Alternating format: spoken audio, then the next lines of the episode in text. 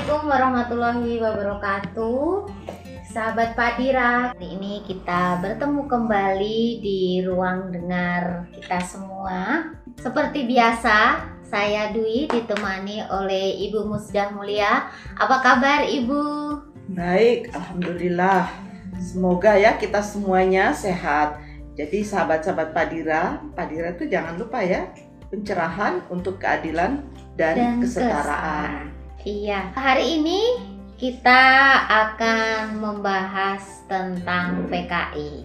Kalau udah bulan September sampai awal-awal Oktober itu telinga kita itu pasti sering mendengar tentang PKI. Jadi sejarah yang sudah terjadi diputarkan kembali, diingatkan kembali begitu. Nah, menurut Ibu Mudah kenapa sih Ibu eh, PKI ini dicitrakan menakutkan, kemudian mencekam, harus dihindari seperti itu. Ya pertama-tama ya kita memang menghadapi satu kondisi di Indonesia ini yang menurut saya itu adalah kondisi yang nggak sehat ya. Kalau saya melihat di beberapa negara maju nih, tahu nggak kejahatan apa? Kejahatan Hitler di Jerman ya, bahkan itu ada Holocaust. Holocaust itu semacam pembantaian terhadap jutaan manusia. Nah, apa yang terjadi? Masyarakat Jerman itu tidak membuat masyarakatnya itu takut kepada Holocaust, ya takut kepada Hitler, takut kepada kekejaman Nazi. Nah, apa yang dilakukan pemerintahnya itu melakukan penelitian yang mendalam. Nah, ini yang penting nih ada penelitian yang dalam sehingga apa? Kita mengerti siapa sebenarnya dalangnya aktornya siapa, penyebabnya apa, faktor-faktornya apa. Bahkan kalau kita pergi ke sebuah daerahnya di Polandia, itu ada di Auschwitz namanya ya. Itu satu tempat di mana ada museum tentang kekejaman Nazi. Jadi di situ dipaparkan semua supaya masyarakat ngelihat ini loh kekejamannya Nazi tahun tahun berapa tuh tahun-tahun 1920-an sampai 40-an ya. Itu kekejaman Nazi itu apa saja, lalu kenapa itu terjadi, faktor-faktornya apa. Semua di museum itu dibeberkan supaya apa? Supaya masyarakat itu sadar dan never again. Jadi motonya itu never again, jangan terulang kembali. Hmm, itu. iya. Nah, berbeda halnya dengan PKI. Kalau PKI kita nggak jelas siapa yang pelakunya semua data-data yang muncul terakhir itu saya mendengar ada ada lima aktor yang diduga melakukan kekejaman terhadap masyarakat atas nama PKI. Ada yang mengatakan itu rekayasa dari Bung Karno yang selaku presiden yang ingin mempertahankan kekuasaannya. Ada yang mengatakan itu rekayasa dari Partai Komunis Indonesia. Ingat ya, yang namanya Komunis di Indonesia itu partai politik, bukan ideologi. Jadi kadang-kadang saya bingung nih orang-orang. Jadi orang-orang komunis dulu di Indonesia yang ikut di dalam Partai Komunis Indonesia itu banyak muslimnya dan mereka itu sholat ya teman-temannya bapaknya Gus Dur. Dan saya ingat dulu Gus Dur suka cerita yang namanya Aidit itu itu kan muslim Muso itu muslim. Beberapa petinggi partai PKI itu muslim. Jadi kalau datang ke rumahnya Gus Dur ketemu dengan bapaknya Gus Dur waktu itu kan itu mereka berteman gitu. Jadi kan sebagai sesama muslim ya mereka tuh sholat gitu-gitu kan. Jadi bukan komunis dalam arti seperti yang di uh, Uni Soviet kan sana atau di Cina sana. Jadi di kita tuh ya yang namanya PKI atau komunis itu partai gitu, partai politik, bukan ideologi gitu. Hmm. Bukan berarti mereka tuh nggak bertuhan. Ini satu hal yang harus dipahami. Nah, tadi saya ingin jelas tentang aktor. Jadi sejarah kita tuh belum selesai, belum tuntas. Jadi ada yang mengatakan itu rekayasa angkatan darat ya. Iya. Itu rekayasa dari eh, kelompok-kelompok yang apa frustrasi yang ketika kita merdeka lalu mereka nggak dapatkan kue kira-kira kayak gitu kan. Nah, ada masih semuanya masih kabur. Jadi kalau saya ya lebih baik daripada kita menanamkan kebencian, ketakutan, horor. Nah, waktu zaman Orde Baru itu kan ada filmnya PKI. Dulu pernah loh saya nonton tuh sampai saya nggak bisa tidur ya karena lihat jenderal-jenderal itu disayat-sayat pakai apa ya, pakai silet gitu ngeri sekali ya. Nah, buat saya apa yang kita dapatkan dari horor kayak gitu kan? Mendingan dia dilakukan penggalian, penggalian sejarah sehingga mas sejarah masa lalu kita tuh semuanya clear. Nah kalau nggak clear kayak gitu kan saling tuduh-tuduhan gitu sampai sekarang belum jelas nih siapa sebenarnya yang melakukan kejahatan terhadap para jenderal atau ter- pembunuhan terhadap sekian banyak masyarakat. Tapi kan yang kemudian yang ada setelah Orde Baru, nah setelah Orde Baru, saya ingat ya Gus Dur ya suka mengatakan PKI nggak usah ditakutin. Itu kan mainannya orde baru gitu kan. Hmm, iya, Jadi, iya, iya. lucu juga sih. Jadi saya pikir marilah para petinggi bangsa ini seluruh kita elemen bangsa ini mari kita bersatu lalu kita membuat apa kita duduk bersama untuk membuat satu bukannya satu kesepakatan tapi membuat sejarah kita menjadi semacam eh, semakin clear ya semakin jelas sehingga anak cucu kita di masa yang akan datang itu tidak mendendam atau tidak memendam sebuah kecurigaan yang tidak ada akhirnya gitu.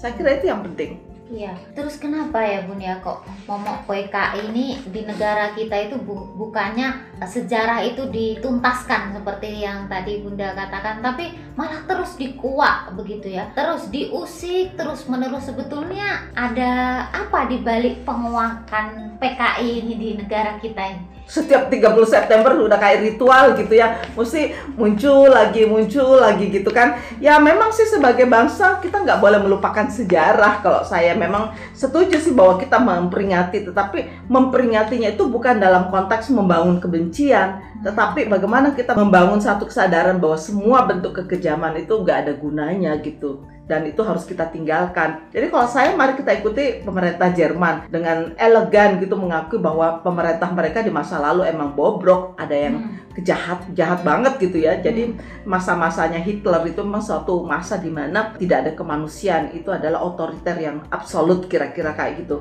Karena itu mari kita belajar jangan mengulangi itu gitu kan, never Hmm. again gitu kan. Iya. Nah sekarang menurut saya PKI memang sudah mati sejak puluhan tahun silam ya Hmm. dan susah untuk dibangkitkan dari kuburnya karena nggak ada juga yang mau jadi PKI sekarang karena negara-negara PKI sa- saja udah udah jadi pada kapitalis semua coba Iya. komunis coba apa Cina coba Cina mana ada komunisnya ya semuanya Hmm. udah lebih, lebih kapitalis daripada negara-negara kapitalis itu sendiri Hmm. karena menjadi komunis itu nggak enak gitu semuanya orang bekerja lalu dibagi sama rata gitu kan ya Hmm. apa enaknya gitu. Nah, negara-negara yang masih mempertahankan apa ya ideologi komunis itu kan masih Korea Utara itu pun juga bukan negara yang maju dan bukan negara yang enak gitu ya karena serba-serba tertutup kan. Jadi nggak ada orang yang mau jadi PKI bahkan beberapa negara yang dulunya PKI kayak Polandia ya kayak Uni Soviet yang sekarang menjadi Rusia Rusia udah jadi federasi kan sekarang itu pada mengutuk gitu pada me- menganggap bahwa ideologi komunis itu tidak membawa kesejahteraan tidak membawa kebahagiaan bagi kemanusiaan. Jadi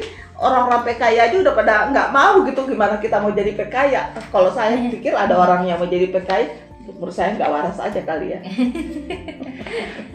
Oke, jadi apakah juga film yang diputar atau diproduksi oleh PFN setiap tahun itu merupakan salah satu versi sejarah yang benar begitu? Ya saya pikir ada beberapa hal dalam film itu yang tidak ini ya seperti pembantaian para jenderal.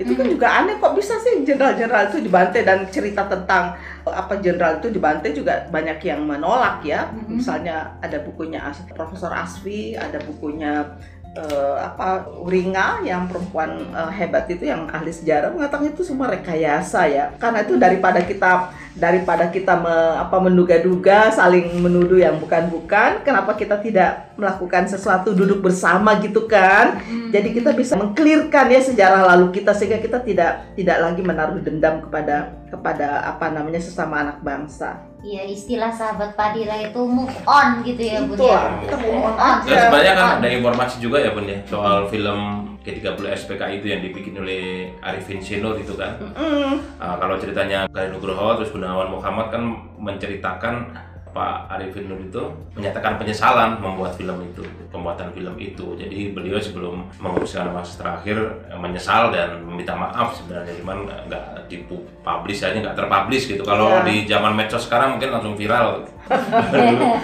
Nah itulah Ada. pentingnya mestinya kan ada upaya-upaya konkret dari pemerintah ya. Memang kalau udah bicara sejarah kita ini emang nggak tahu ya saya mau mengatakan kita tuh emang nggak nggak menghargai sejarah. Hmm. Lagian juga kita kalau belajar sejarah juga pada bosan karena guru sejarahnya juga tidak menarik kan. Jadi emang kita ini kalau udah pelajaran sejarah jeblok semua ya. Jadi sejarah Ada masa lalu kita versi saja, Bung. itu dia jadi mestinya sejarah itu ya diungkap dengan beberapa versi sehingga kita menjadi matang gitu Jadi melihat matang gitu. masa lalu kita jadi kalau jelek ya kita mesti udah nggak boleh di- di- diulang lagi ya ya kita harus elegan ya mau secara gentleman kira-kira kayak gitu mengakui ada ada kelam ada kekelaman dalam sejarah kita Jadi nggak usah malu gitu ya kalau misalnya memang ada pembantaian terhadap PKI, pembantaian terhadap ulama-ulama ya katanya ulama kita banyak yang dibunuh di masa PKI tersebut tapi jangan lupa loh ada 2 juta orang yang dituduh PKI yang mengalami apa ya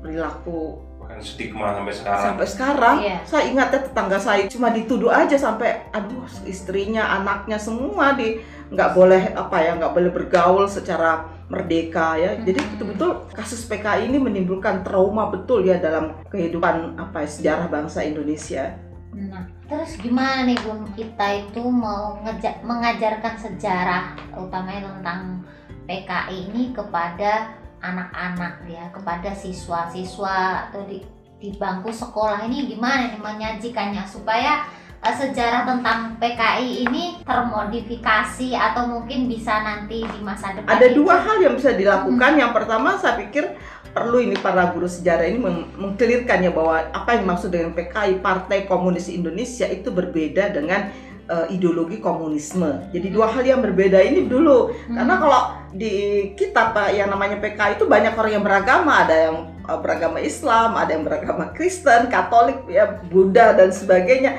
Tapi kalau di komunis sana kan emang dia nggak nggak beragama kan di China di sana Mhm. ya ketika dia ideologi komunisme itu kan tidak tidak memang ideologi ateis gitu kan. Iya. Jadi dua hal yang betul-betul berbeda. Nah kalau di Indonesia Partai Komunis Indonesia itu sudah mati sejak puluhan tahun silam ya.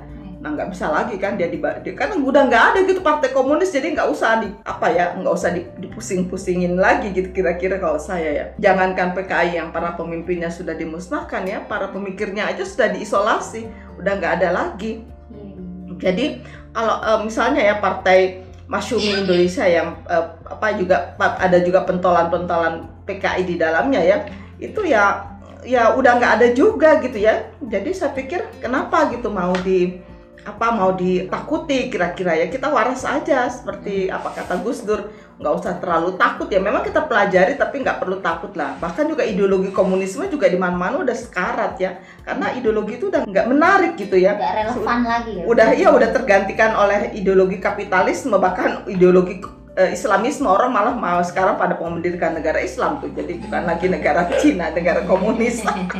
Tapi buat saya ya boleh-boleh saja sih. Sepanjang tidak melakukan kekerasan dan tidak melakukan pemaksaannya Hmm. boleh saja gitu. Nah kita melihat juga hampir semua negara-negara yang berbasis komunis itu sudah pada bangkrut. Coba kita lihat Kuba udah enggak lagi ya. Korea Utara tapi Korea Utara juga sekarang masih tapi sementara udah bergeser mulai sedikit-sedikit menjadi negara yang lebih terbuka ya Iya. apalagi saya ingat dua bulan sebelum COVID ya saya ada di Korea Selatan saya eh, kami adalah satu delegasi yang mempersatukan eh, apa namanya Korea, delegasi Korea Utara dan Korea Selatan yang ingin membuat supaya dua negara ini bergabung kembali kayak Jerman Barat Jerman Timur Iya. K- kami melihat itu wajah-wajah dari eh, para delegasi Korea Utara seperti mereka sudah bosan gitu dengan sikap tertutup mereka gitu kan sikap komunis yang sangat eh, tidak apa tidak terbuka mereka ingin seperti eh, Korea Selatan ya dengan keterbukaannya menjadi kapitalis dengan eh, menjadi demokratis ya itu malah lebih maju gitu lebih kelihatannya kok lebih berkembang pesat gitu dibanding Korea Utara. Padahal ini kan dua negara yang satu apa ya dulunya itu satu rumpun gitu ya lalu yang terpisah oleh ideologi. Nah mereka kelihatannya tertarik untuk menjadi seperti Korea Selatan jadi saya ada di sana ya. Saya lagi ada di Seoul ketika itu bagaimana saya berbicara terhadap dua delegasi ini delegasi Korea Selatan dan delegasi Korea Utara kita di, waktu itu di apa diundang untuk menjadi tim pendamai ya untuk dua negara yang sedang berkonflik. Nah, kami mengatakan bahwa perdamaian itu jauh lebih indah daripada eh, daripada per, apa ya, per- permusuhan dan konflik. Jadi mereka juga udah mulai tertarik gitu untuk menjadi negara yang demokratis. Lalu apa yang kita takut karena kalau begitu negara itu menjadi demokratis, berarti pasti ideologi komunisme nggak ada kan? Iya, iya, iya, Oke, eh, Mungkin saya tambahkan boleh ya, Bun ya. Silakan. Jadi Silakan. kalau tadi pertanyaan bagaimana guru mengajarkan segala macam sebenarnya sekarang kita mengajarkan pada generasi muda sekarang itu untuk berpikir terbuka, adil dari sejak dalam pikiran terhadap pelajaran sejarah itu sekarang ini sumber sejarah banyak sekali yang bisa ditemukan di dunia maya di internet sumber-sumber literasi juga banyak sehingga kalau kita bicara belajar sejarah harusnya guru ini mengajarkan itu gitu bukan mengajarkan textbook yang ada di buku paket saja gitu tapi referensi sejarah terus kemudian ada jurnal-jurnal yang bisa dibaca oleh muridnya segala macam biar dikumpulkan dan di situlah dikemas gimana kalau misalnya bunda tadi contohnya Jerman itu bagus ya itu negaranya berinisiatif untuk menggali seluruh sumber-sumber sejarah kan secara objektif. Nah ini sekarang dimulai juga nih karena sekarang mulai terbuka informasi guru-guru mengajarkan sejarah itu bukan hanya textbook tapi memberikan e, dorongan pada muridnya untuk terus mencari sumber-sumber sejarah. Dan di situ didiskusikan di kelas. Jadi ada kaya gitu. Jadi kaya sekali. Kayak dulu dulu kan ada PSBB ya bu ya zaman Ya. zaman kita. Itu kalau kalau kita menyebutkan pahlawan nggak sesuai buku salah padahal di perpustakaan disebutkan ada pahlawan ini gitu Iya. selain di Ponorogo selain ini yang disebutkan di buku PSBB ternyata disalahkan gitu padahal itu benar gitu Ya soalnya gurunya juga nggak baca. Gurunya nggak baca Jadi kalau kita belajar sejarah itu kok malah belajar tentang doktrin-doktrin gitu ya. Padahal seharusnya sejarah itu sesuatu yang imajinasi gitu ya, mem- mem- memperkuat imajinasi kita. Nggak apa-apa ada banyak interpretasi tentang sebuah peristiwa kan. Jadi eh, ya ya dalam melihat sebuah sebuah peristiwa nggak bisa dong ada interpretasi tunggal karena masing-masing bisa melihat dari perspektif yang berbeda. Nah inilah yang ti- tidak muncul ya di dalam pelajaran sejarah kita. Nah. sejarah kita ini sifatnya kalau untuk sampai saat ini tuh hanya bersifat sebagai hafalan begitu. Nah jadi ya begitulah. Tahun-tahunnya dihafalin gitu ya. Iya ngapalin Sampai stres. tanggal-tanggal. Nah seperti itu. Iya. bahkan juga sekarang ini ada ada satu apa penelitian yang mendalam bahwa sebetulnya komunisme itu bukan ateisme ya. Jadi Hmm. be- beberapa beberapa literatur yang saya baca komunisme itu bukan ateisme karena apa? Karena sebetulnya kalau saya melihat Karl Marx sendiri yang eh, pemimpin eh, komunisme itu itu sebenarnya dia bukannya tidak beragama, Hmm. dia bukannya anti agama, dia hanya mengkritik keras ya pada para pelaku agama itu yang yang menggunakan agama itu sebagai kekuatan revolusioner ya untuk apa? Untuk melawan kapitalisme kira-kira gitu. Hmm. Nah, eh, sebetulnya sama juga sih dengan kita sekarang ini. Seperti saya juga geram ya dengan orang-orang yang menggunakan agama itu sebagai topeng untuk melegitimasi, melegitimasi politik melegitimasi semua kebiadaban yang terjadi atas nama agama sehingga kita melupakan fungsi-fungsi spiritual dan fungsi-fungsi profetik agama ya yang seharusnya membebaskan. Nah ini juga nih jadi kalau saya melihat sih sebetulnya komunisme itu bukan ateisme cuma ya beberapa pemikir di di apa di Tiongkok itu menga- selalu menganggap bahwa komunisme itu pasti ateisme pasti tidak bertuhan karena itu juga saya saya pikir penting ya membaca banyak banyak perspektif sehingga kita tidak melihat segala sesuatu itu secara kaku. Lalu kalau ada yang berbeda lalu menganggap itu salah gitu ya. Hmm. jadi jadi orang tuh sebaiknya membaca banyak gitu ya. Inilah yang dimaksud dengan literasi literasi kebudayaan. Jadi bacalah yang banyak sehingga kamu tidak terjebak pada satu pendapat sehingga menafikan ya adanya pendapat-pendapat lain yang berbeda yang boleh jadi juga benar gitu. Jadi kalau kamu benar wal- tidak mesti orang lain salah kan? Kita kan suka gitu kalau kita benar mesti orang lain tuh salah. Yang enggak juga dong. Kalau kita benar orang lain juga mungkin mungkin jadi benar juga gitu. Ya ada banyak kebenaran ya boleh jadi kan? Tidak bukan hal yang salah kan? Kalau beberapa orang jadi benar. Karena itu mari kita menghargai beberapa pendapat sehingga dengan demikian dalam pelajaran tentang eh, PKI ini kita bisa mendapatkan nuansa yang berbeda sehingga menurut saya yang penting dalam eh, PKI ini bisa bisa nggak ya setiap 30 September kita tetap memperingati sebagai hari gerakan apa wafatnya para para jenderal itu boleh lah nggak apa-apa. Tapi nggak usah ada kebencian gitu loh. Nggak Hmm. usah ada stigma ya. Nggak usah ada rasa permusuhan ya kepada mereka-mereka. Karena juga udah selesai. Jadi anak-anaknya ya masa kita mau marah sama anak-anak mereka juga? Kan dia nggak dilahirkan nggak minta dilahirkan dari PKI itu kan. Iya iya. jadi nggak usah ada dendam lagi ya. Iya. jadi bagaimana kita memutus dendam? Sehingga kita mari bersama-sama membangun masa depan Indonesia yang lebih apa yang lebih terbuka dan lebih lebih le- realistis ya melihat kondisi sosial politik kita. Iya. betul itu kalau dari agama Islam soal dendam itu gimana sih bu? Ah dendam itu kan dilarang jadi ya memang kita kalau di dalam Islam itu kita diajarkan untuk memaafkan. Memaafkan itu bukan berarti kita melupakan gitu. Ini loh dua hal yang berbeda. Tetap jadi dosanya kamu ya kamu ya tetap. Tetapi saya memaafkan kamu untuk eh, kasus ini atau untuk apa gitu. Saya memaafkan karena itu nggak ada lagi dendam di antara kita. Mari kita bersama-sama. Nah persoalan apakah betul-betul dosa kamu dimaafkan itu urusannya Tuhan ya nggak kita kan bukan Tuhan. Iya, jadi kalau kita kembali ke PKI itu sebetulnya PKI itu bukan untuk kita takuti ya sahabat Padira ya, tapi kita bisa mengambil pelajaran apa, pelajaran untuk ke depan agar sejarah negara ini tidak terulang kembali. Ya, terima ya, kasih. sejarah kelam negara ini ya, saya, ya. saya pikir ya. ya. Jadi sejarah jangan kelam Pokoknya kita sih yang salah tetap harus salah ya, tetapi kita kan harus memaafkan supaya kita bisa maju ke depan. Ya. Karena kalau kita dendam nanti anak-anaknya yang PKI juga nanti dendam. Jadi akhirnya dendam sama dendam akhirnya yang muncul adalah permusuhan. Karena terus terang aja banyak di antara mereka yang sekarang ini sudah mulai ingin membalas dendam karena ya kebencian berpuluh-puluh tahun mereka diperlakukan tidak manusiawi ya di negeri ini dan kita semuanya memberikan stigma kepada mereka ya mereka juga akhirnya kan sebagai manusia hilang kesabaran dan ingin bangun untuk seperti ingin menuntut gitu kan. Hmm. nah inilah bahayanya. Karena itu saya pikir pemerintah ini penting yang melakukan upaya-upaya rekonsiliasi. Yeah. ya sehingga rekonsiliasi buat siapa? Buat seluruh anak bangsa. Sehingga nggak ada lagi gitu ya nggak ada lagi dendam di antara kita. Ya masa lalu kita yang kelam itu mari kita jadikan sebagai uh, pelajaran bahwa tidak boleh ada lagi seperti itu di masa yang akan datang. Jadi kalau saya membaca membaca di Auschwitz itu temboknya besar banget tulisannya never again. iya. Jadi begitu ya uh, sahabat Padira ya tentang PKI. Kita ambil pelajaran baiknya untuk Indonesia yang lebih baik. Terima kasih uh, Ibu Musdah yang sudah memberikan pencerahan ya pada sahabat Padira dan kita semua. Saya akhiri. Assalamualaikum warahmatullahi wabarakatuh.